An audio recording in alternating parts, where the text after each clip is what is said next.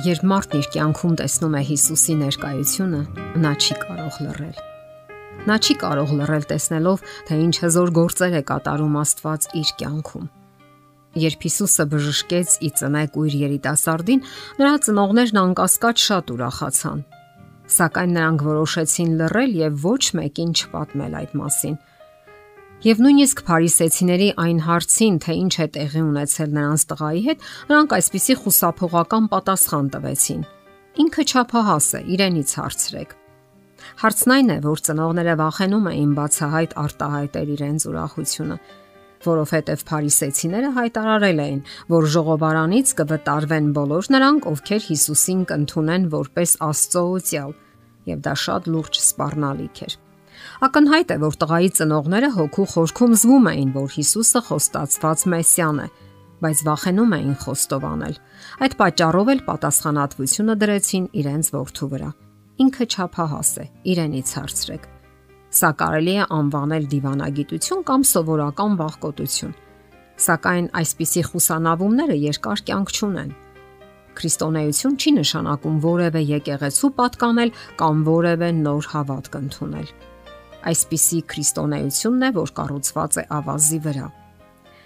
Իսկական քրիստոնյայի համար առաջին տեղում ոչ թե գաղափարներն են կամ դիվանագիտական մտակառուցումները, այլ Հիսուս Քրիստոսը։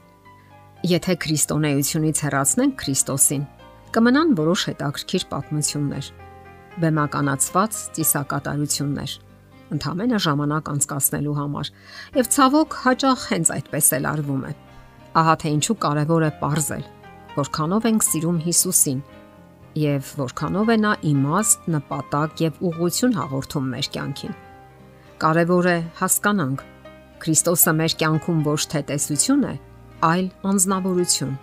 մտերիմ, սիրող, հավատարիմ ընկեր։ Պետք է շփվել, ժամանակ անցկасնել։ Պետք է թույլ տալ նրան, որ մասնակցի մեր կյանքի յուրաքանչյուր օրվան։ Պետք է խոսենք նրա հետ որպես ընկերոջ, բացենք մեր սիրտը, պատմենք մեր երազանքների, ծրագրերի, ուրախությունների ու վշտերի մասին։ Եթե զգում ենք, որ մեզ հետ անարդար են վարվել, չեն հասկացել մեզ, ամեն ինչ պետք է նրան պատմենք։ Թույլ տանք, որ Հիսուսը լինի ոչ միայն մեր փրկիչը, այլև մեր լավ ընկերը։ Միթե դուք բավականություն չեք զգում, երբ քայլում եք փողոցով ձեր լավ ընկերոջ հետ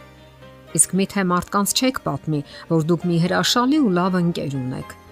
Բայց ահա կույր ծնված եւ բժշկված երիտասարդի ծնողները չպատմեցին ու չվկայեցին իրենց լավագույն ընկերոջ մասին, ով այնքան կարևոր փոփոխություն մտցրեց իրենց կյանքում։ Իսկապես ցավալի է։ Նրանք կարող էին պատմել ու բացատրել ամեն ինչ, քանի որ հենց իրենց էր հայտնի այդ պատմության ողջ մանրամասները սակայն վախեցան, քանի որ ճունեին այն անznական փորձառությունը, որ ուներ իրենց ворթին։ Իսկ նա առանց հապաղելու ասաց. Ես չգիտեմ, թե դուք ինչ եք մտածում այդ մարդու մասին, բայց մի բան փաստ է, որ ես կույր եի եւ հիմա տեսնում եմ։ Իսկ դուք ձեր կենսական ճանապարհին արդյոք հանդիպել եք Հիսուսին։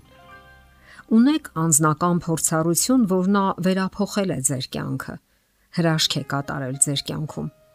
Կարող եք մարդկանց պատմել Քրիստոսի հետ ունեցած ձեր փորձառության մասին։ Այս կյանքում ոչինչ հարատև չէ, բացի Հիսուսից։ Մի օր ձեզանից կհեռանան ձեր բարեկամներն ու ընկերները։ Կծերանան ու կնանջեն եկեղեցու ծառայողները։ Ծնողները նույնպես։ Կծերանաս նաև ինքդ, մարմինդ կդավաճանի քեզ Կփոխվի նաև դավանաբանությունդ, բայց Հիսուսը հավերժ է։ Նա երբեք չի փոխվում։ Նա է անկյունակարը։ Եթե քո հավատը հիմնված է այդ քարի վրա, ուրեմն քո փրկությունը երաշխավորված է։ Տոկիոյի գլխավոր հրապարակներից մեկում կանգնած է Բուդդայի հսկայական արձանը փակ աչքերով, ինքն իրեն գրկած։ Համարում են, որ այդ Աստվածը քնած չէ, այլ պարզապես խորհում է։ Իսկ ահա 121 Սաղմոսում մեր Աստծո մասին կարդում ենք. Ահա Իսրայելի պահապանը չի ննջի եւ չի քնի։ Մեր Աստվածը միշտ արթուն է, միշտ զգոն է, միշտ բաց աչքերով։ Ուխտավորները, որոնք ամեն տարի Երուսաղեմ են գնում տոներին մասնակցելու, երգում են այդ սաղմոսը։ Այսօր այն հայտնի է որպես ճանապարհորդների սաղմոս։ Իրեն քրիստոնյա համարող յուրաքանչյուր մարդ պետք է վստահ լինի, որ ունի մտերիմ Աստված, որը հոգում է իր մասին։ Նա գիտի քո մտնելն ու դուրս գալը։ Նա միշտ քեզ հետ է։ Նա թույլ չի տա, որ քո ոտքը սայթակի։ Արևը չի այրի քեզ տապին, որ ընկնես եւ այլևս վեր չկենաս, որովհետեւ քո Աստվածը բարձր է բոլոր աստվածներից։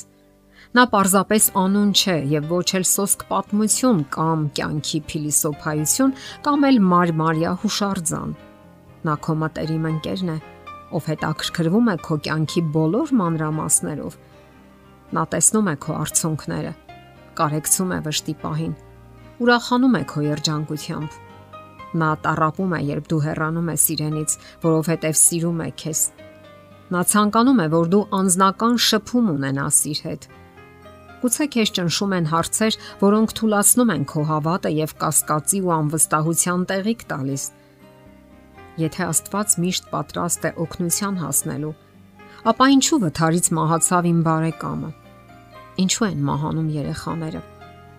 Որտեղ է Աստված։ Եթե կասկածները pašարում են քեզ, հիշիր, որ Հիսուսն էլ տարապեց։ Նա մարդ դարձավ եւ մահացավ խաչափայտի վրա, տանջալից մահով։ Մահից առաջ տարապանքների մեջ նա աղաղակեց. Աստված իմ Աստված, ինչու թողեցիր ինձ։ Որտեղ էր հայրը, երբ ուրփաթ երեկոյան տեղի էր ունենում այդ ողբերգությունը։ Չէ որ նա երբեք չի քնում եւ չի նանջում։ Ինչու նա չմիջամտեց, չպահպանեց սեփական ворթու կյանքը։ Ամեն տարապանք իր պատասխանն ունի եւ շատ բան բացահայտվում է ժամանակի ընթացքում Եկեք պարզապես չկասկածենք Աստծո արդարությանը, նրա մեծությանն ու նրա սիրուն։ Աստված միշտ կենթանի է։ Մենք միշտ նրա աչքի առաջ ենք։ Չնմանվենք կույր երիտասարդի ծնողներին, որ վախեցան վկայել Քրիստոսի մասին եւ չեզոք պատասխան տվեցին։ Թող Աստված թույլ չտա, որ մեր շուրթերից այդպիսի խոսքեր հնչեն։ Մենք չգիտենք։ Մենք չենք ճանաչում իրեն հարցրեք։ Թող ձեր կյանքը լինի մի բաց նամակ, որտեղ մարդիկ կարողանան հստակ կարդալ ձեր սիրո մասին Հիսուսի հանդեպ։ Եթերում ղողանջ հավերժության հաղորդաշարներ։ Ձեզ հետ է Գեղեցիկ Մարտիրոսյանը։ Հարցերի եւ առաջարկությունների համար զանգահարել 033 87 87 87 հեռախոսահամարով։